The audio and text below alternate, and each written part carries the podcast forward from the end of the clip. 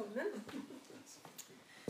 Eh, herlig forsamling. Jeg er alltid så glad når det blir en sånn tett og intim gjeng. Det er da de gode samtalene bruker å melde seg. Eh, til opplysning så tar vi opp, så hvis det virkelig serveres noen gullkorn her i dag, så kan det hende at det blir en podkast. Eh, Amund, tusen takk for en veldig fin forestilling. Sondre Båtstrand fra Miljøpartiet De Grønne. Du kjenner kanskje noen her, men ja. Jo. Hvis ikke så skal vi iallfall bli litt bedre kjent. Eh, Det er bare å melde sine spørsmål og innspill fra salen når som helst. Eh, Ja. Alle er velkomne. Jeg har lyst til å, å begynne med um, dette paradokset som du eh, kommer ganske mye inn på. Det med hva kunst er om det ikke er et globalt samarbeid. Altså Tidligere så snakka han om kunstnere fra, fra Brussel eller fra, ja, fra USA, mens nå har en norske kunstnere som bor i Brussel, og, og samarbeidsprosjekt som er globale. Hvor kommer det til å ende? Nei, den som visste det, det vet jo ikke jeg. Eh, Jeg, jeg tenker at det er liksom to eller Sånn jeg ser på det, så er det to måter, to måter man kan tenke om det her nå. Det ene er jo det ene er jo eh, at det å reise ut og treffe noen, det å reise til Brussel eller hvor som helst og gjøre sin kunst foran de 30 menneskene som dukker opp der, at det, at det kanskje etter hvert potensielt sett blir ganske radikalt. Eh, altså nå, nå driver jo Nå driver jo eh, blir lansert de her eh, brillene du kan liksom ikke sant, Hva det heter for noe? Er, eh, altså, jeg vet ikke om vi kommer dit at det ikke er noe poeng lenger å reise, reise til New York. eller reise noe, altså at vi, alt, alt blir, vi kan leve hele verden, eller hele livet vårt i denne skjermen. Så kanskje liksom, det, det er, tenker jeg det ene mulige scenarioet at det blir ganske at, at der ligger det en motstand i å fortsette med det vi gjør. og Insistere på at man må møtes ansikt til ansikt. Det andre er jo selvfølgelig at det kanskje fins en, en mulighet i en framtid i det her, nettopp det her. Altså, jeg gjorde en, eh, et forprosjekt til det her forestillinga i, i høst i, i Bonn. På en festival som heter Save the World. Det var en ganske ambisiøs tittel. Og da inviterte de meg til å komme dit først. Var der en tur, en natt, for å, se, for å treffe dem. Og så var det en tur til, et par netter, for å treffe en klimaekspert. Det var, liksom, det var meningen jeg skulle komme tre ganger til fly fra Oslo til Bonn for å lage 15 minutter til denne Save the World-festivalen. Så til slutt så foreslo jeg sa at eh, jeg syns det er en dårlig idé at jeg kommer tilbake en gang til. Jeg, jeg lager noe, og så viser jeg det på Skype. Ikke sant? Eh, og det kan jeg jo fint gjøre med mitt arbeid, tenker jeg. Det er jo liksom, Jeg kunne fint hatt en presentasjon sånn. Jeg tror det kunne funka ganske bra. Men den festivalen, det sa de jo nei. Det vil vi ikke. Det får du ikke lov til. Da vil vi heller avlyse ditt bidrag. Um, men der tenker jeg kanskje det fins en mulighet for et eller annet. Altså, ja, kunst på distanse. Som jeg tenker at vi ikke har eh, Vi har ikke utforska det veldig mye. Altså, hva man kan gjøre av verk uten å, uten å reise. Som allikevel møter noen der. Hvor er eh, kunst da på skalaen eh, mellom eh, ubegrensa vekst og eh, naturlig eh, opprett selv, selvopphevelseskraft? Altså Vil du svare? det er, lov å, lov å kaste spørsmål hvis det han ikke vil svare. Kan, hva tenker du om, om, om det en- Hvem skal få lov til å lage kunst, Ja, og hvem skal betale? ja. ja. Mm.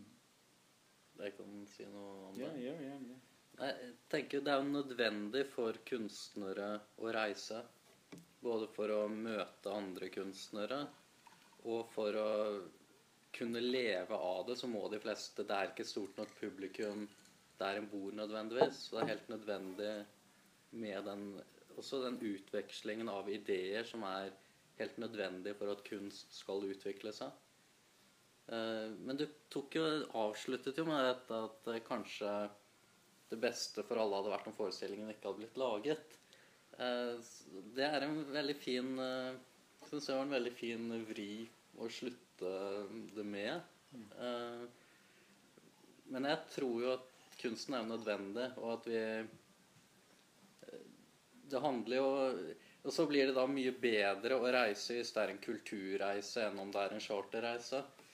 Eh, det er kanskje et paradoks, men Det, er jo motsatt. Altså, Charterflyreiser er mye eh, renere fordi at de alltid er fulle. mm. Kjøpe sånne ruteflybilletter er mye verre enn å reise på charter. Det er noe å tenke på. Det er. Ikke alt fullere på charter. Hmm? Det er ikke alt fullere på charter. Nei, det er ikke alltid fulle. Men alt er fullere. Alltid er på. Ja. ja. Det fins en veldig fin, hvis noen er interessert i det, det finnes en veldig fin sånn uh, kalkulator som heter uh, Atmosphere. Uh, men atmos Altså fair, som i rettferdig. Atmosfære. Eh, DE. En sånn fly for kalkulering av CO2. Der legger du inn bl.a. om det er charter eller om det er vanlig fly, og om det er første klasse, eller businessklasse, eller om du har mellomlandinger. altså. får man ut sitt CO2-tall. Så betaler du Så kan du betale, ja. Kan du.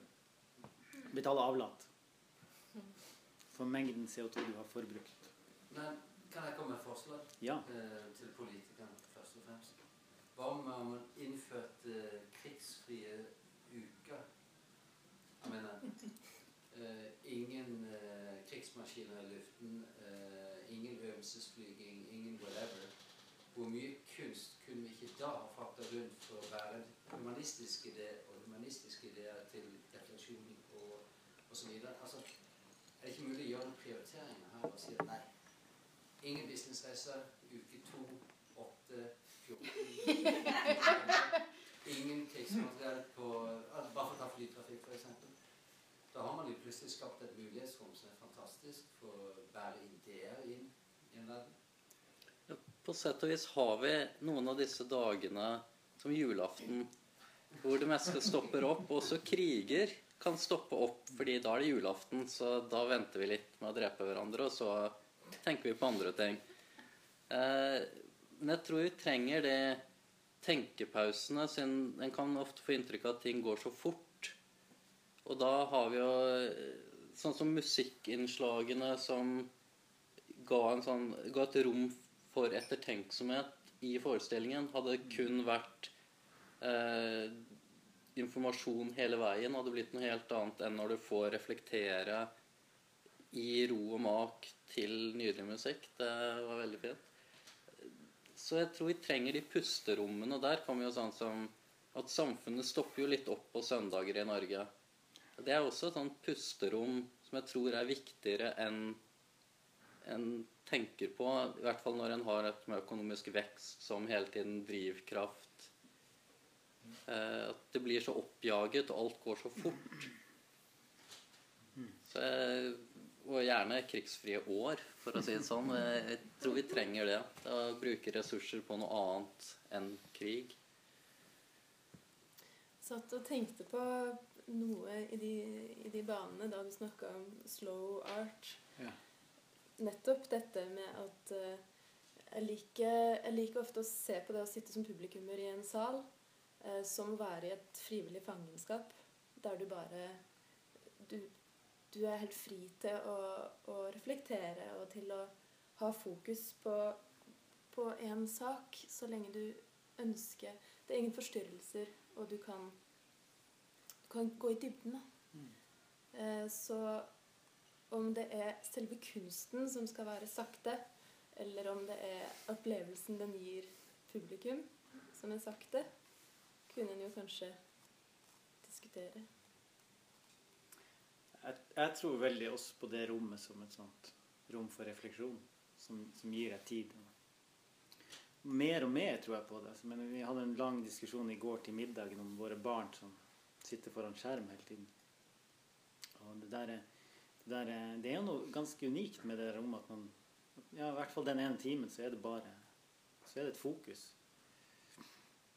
Eh, det tenker jeg på mye når vi spiller ellers også. Når vi spiller de her liggekonsertene våre. Som også er en slags sånn, sånn rom som skapes som er veldig ja, konsentrert. Men der er, det jo, der er det jo annerledes på den måten at du må, der, kan du tenke, der får du tenke på hva du vil. Um, det gis ingen, liksom, ingen linje inn. Men det er jo bare Kåpe. Hmm? Kåpe. Det er jo bare kope, ja. Ikke sant? Kopetid. Det var det vi snakka om. Som ikke er ja, Som ikke er definert og ikke styrt. Vel. Jeg En liten kommentar. Ja. Du hadde en graf som viste at uh, ja, det gått fra 1960 så var det 20% som syntes at penger var viktig. Det var Ja, sånn. ja. Fram til nå så var det Jeg husker ikke akkurat hva det var. 88. 80 av Ja. ungdommer eller. Så kunsten har jo ikke helt klart det den har prøvd. Du har holdt på i, eller vi, sier kunstnere, har holdt på i mange år. Så må prøve å snakke om disse rommene for refleksjonen sin. En eh, oppvoksende generasjon vil jo ha enda mer penger enn det vi vil ha. Så, sett er det ganske dystopisk, på en måte. Ikke det? Ja. Så kan man jo alltids eh, si at det kanskje hadde vært annerledes hvis ikke kunsten hadde vært der. Kunne vært enda verre. Mer enn 80 ja. Men eh, ja. Men at man ikke har fått det til, er jo ikke et argument for at man kan få det til. Det kan det jo aldri være. Det er jo ikke noe poeng. Men vi sa jo også det at uh, fram til 1970 så har jo faktisk På de 30 årene fra 40 til 70 så har jo faktisk verden klart å minske forskjellene mellom mennesker på en måte som man aldri har klart før. Og det er ikke veldig lenge siden. Nei, Ikke sant? Så poenget er jo at det kanskje finnes mange flere alternativer enn det vi faktisk forestiller oss. Og den politiske apatien gjør at man ikke prioriterer. Så jeg syns det er veldig interessant det som Norge sier, at kunsten trenger jo ikke å tenke at de skal redde verden alene. Men det er jo f.eks. også det å tørre å, å fremstille prioriteringsalternativer. Altså det å, å være politisk, f.eks. Det å, å gi standpunkter. Ikke sant? Ikke bare reflektere i sånn åpent, relativt rom. Sånn at Det syns jeg er veldig interessant. At man også kan prøve i kunstens verden å eh, vise handlingsalternativer. Eller ikke nødvendigvis gå tilbake til sånn eh, didaktisk belærende kunst. Men altså i vår tid akkurat nå, for jeg føler en sånn veldig politisk melankoli. At man ikke klarer å se eh, at det er noen mening. Altså at man har mistro til alle systemer og, og tenker jo sånn at det er jo ikke et alternativ. Men det er jo det. Det er alltid det. ikke sant? Og det kan høres veldig naivt ut, men det er faktisk eh, Faktumet er jo at for 30-40 år siden så gjorde man noe helt annet. Man forandret samfunnet. ikke sant? Det, det er et veldig sånn positivt bilde i Mm. forestillingen, syns jeg. Mm. Um, Jeg vet ikke om dere så det, men altså at det var Det er jo det, den, den gode siden av den grafen du snakket om. Man kan tenke det er negativt, men man kan også tenke ok, wow, det er så kort tid siden. Ok.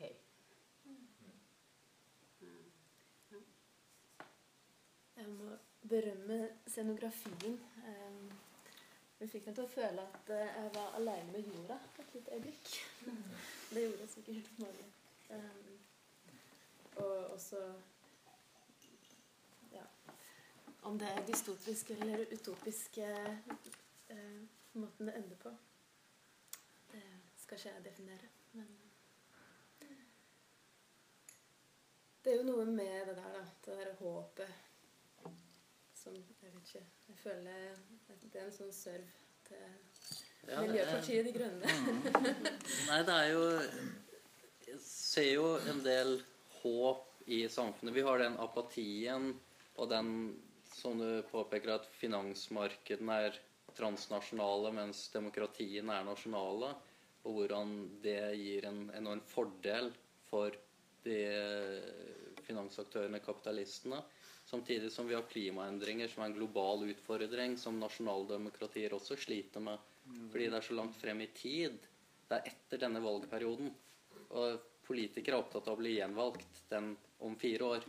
Og en trussel som for alvor vil slå inn om 40 år, blir lett å skyve tilbake. At da er det lettere å sikre materielle goder her og nå. For da kommer vi også til det at vil folket ha redusert levestandard som kan være nødvendig for å håndtere klimatrusselen, Så jeg, jeg har skrevet en doktorgrad på klimapolitikk, og der er en av utfordringene er at folk vil, er skeptiske til de omleggingene.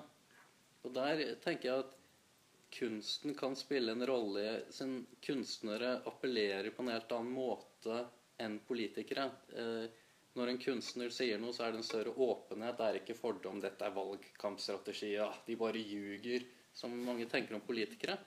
At en kan gå mer direkte på menneskene og skape eh, det tankerommet som er nødvendig for å se for seg alternativer. Mm.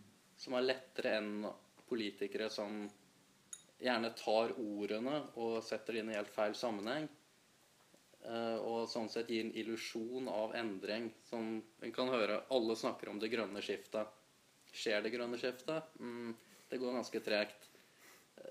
Så jeg tror egentlig kunsten kan ha en veldig progressiv rolle uten å være en sånn belærende standpunktkunst, men nettopp ved å utfordre en del tankemønstre. Og det, det syns jeg du lykkes godt med i den forestillingen.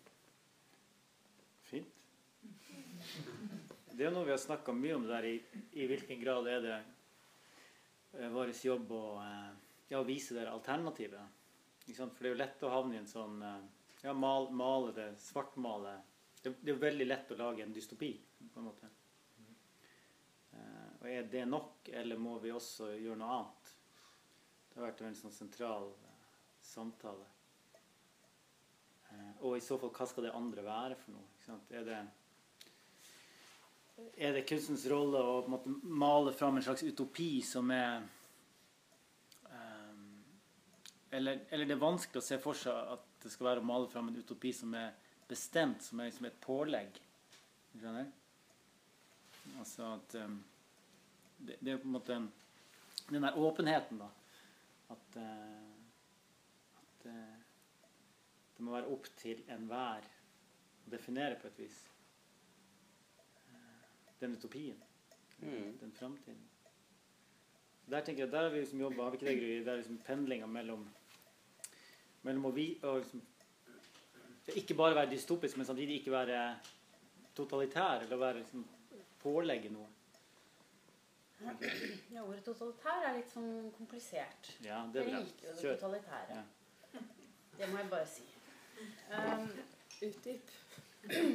jo, jeg tenker virkelig at uh, i vår tid så er det i en sånn neoliberal eh, tidsalder så er det eh, en myte, og den er veldig utbredt, at individet har ansvar. Og de som tjener på det, at eh, du skal tenke at du kan løse alt, og at du eh, påtar deg ansvar for alt, at du det, det er eh, de rike og de som har alle produksjonsmidlene.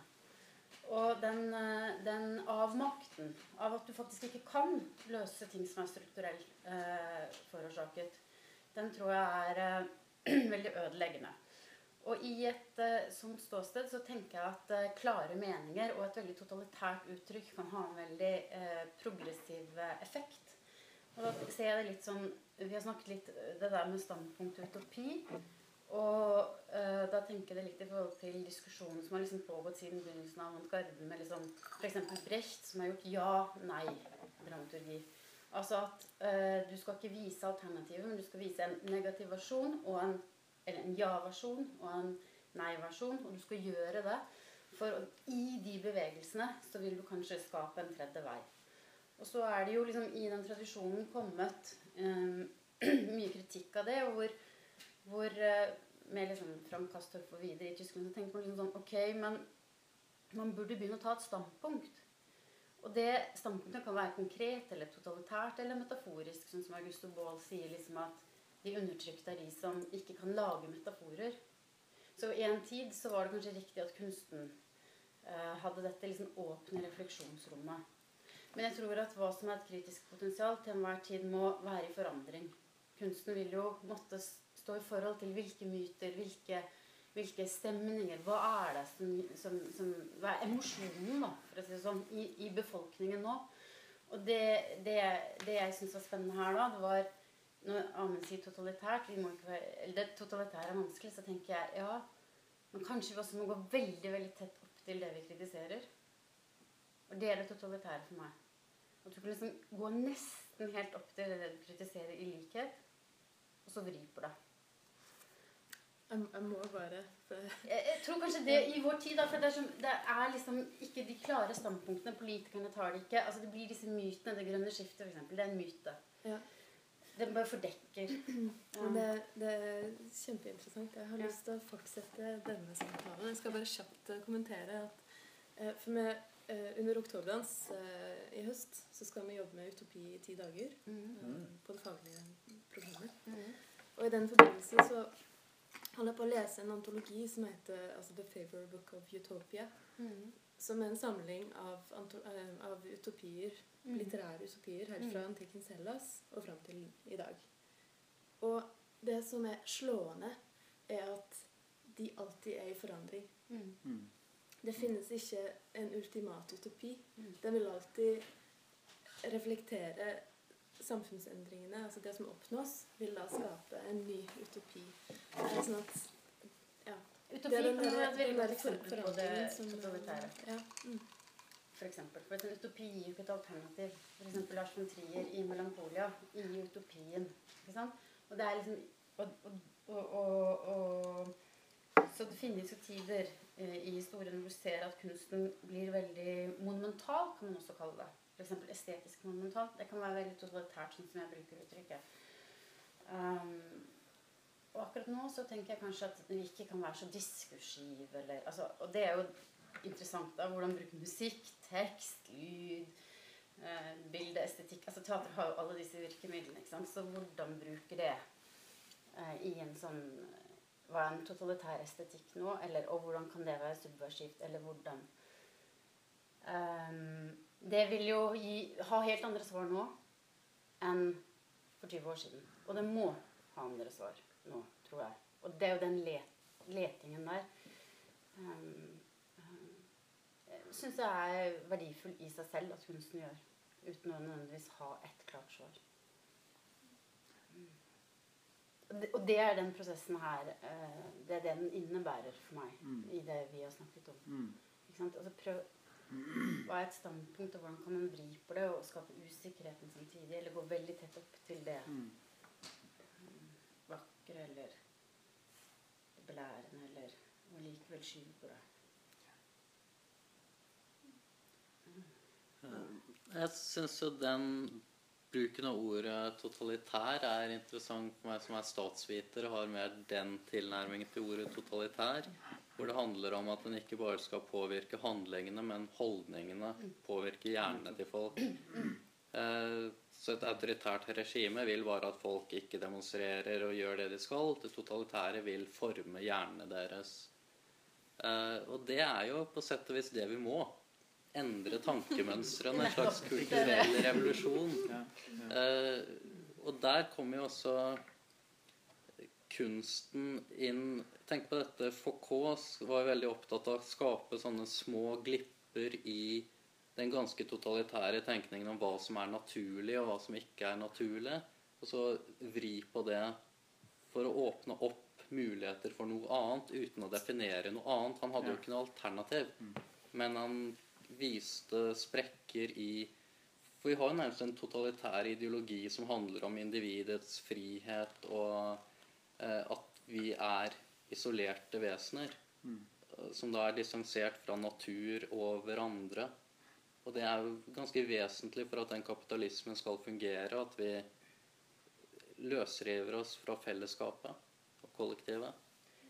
Det er veldig interessant det du sier. fordi at eh, Mye av det vi har lest sammen da, i denne, denne kunstneriske prosessen, er jo sånne massepolitiske tenkere. ikke sant? Og det, det er interessant med strukturalismen som ikke hadde et alternativ. Og nå er det mange politiske tenkere teoretikere som sier at venstresiden har ikke nok emosjoner, eller bruker ikke Mm. nok affekter. Så det er høyresiden som mestrer det i politikken nå, og det tjener dem. Og venstresiden, eller eh, Og da kan man jo gjerne si at kanskje kunsten også burde gå inn i det affektive og bruke det mer. Eh, Vi har jo liksom vært veldig eh, avvisende til det en god stund i kunsten, også i teatret spesielt.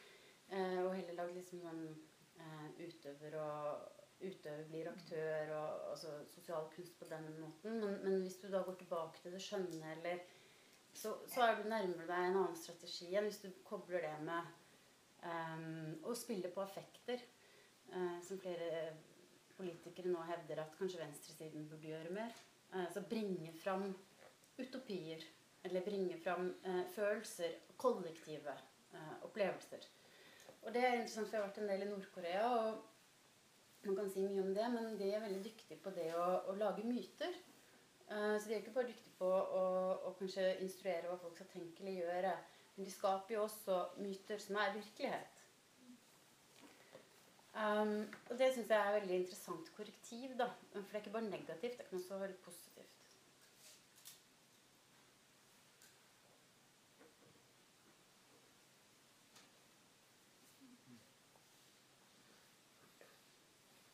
Tygg litt på den. Ja. ja. Vi tenkte at dette skulle være en eh, sånn, eh, et sånt eh, kjapt mentalt bad. Og så at folk får lov til å drikke mer vin. Og, og nyte været hvis det fremdeles er fint ute. Eh, hvis det er noen som har spørsmål, så er det fremdeles mulig å melde seg. Hvis ikke så tror jeg vi skal runde av for i kveld. Og kanskje fortsette neste gang. Eller i, i baren. Eller ribba. Yes. Takk.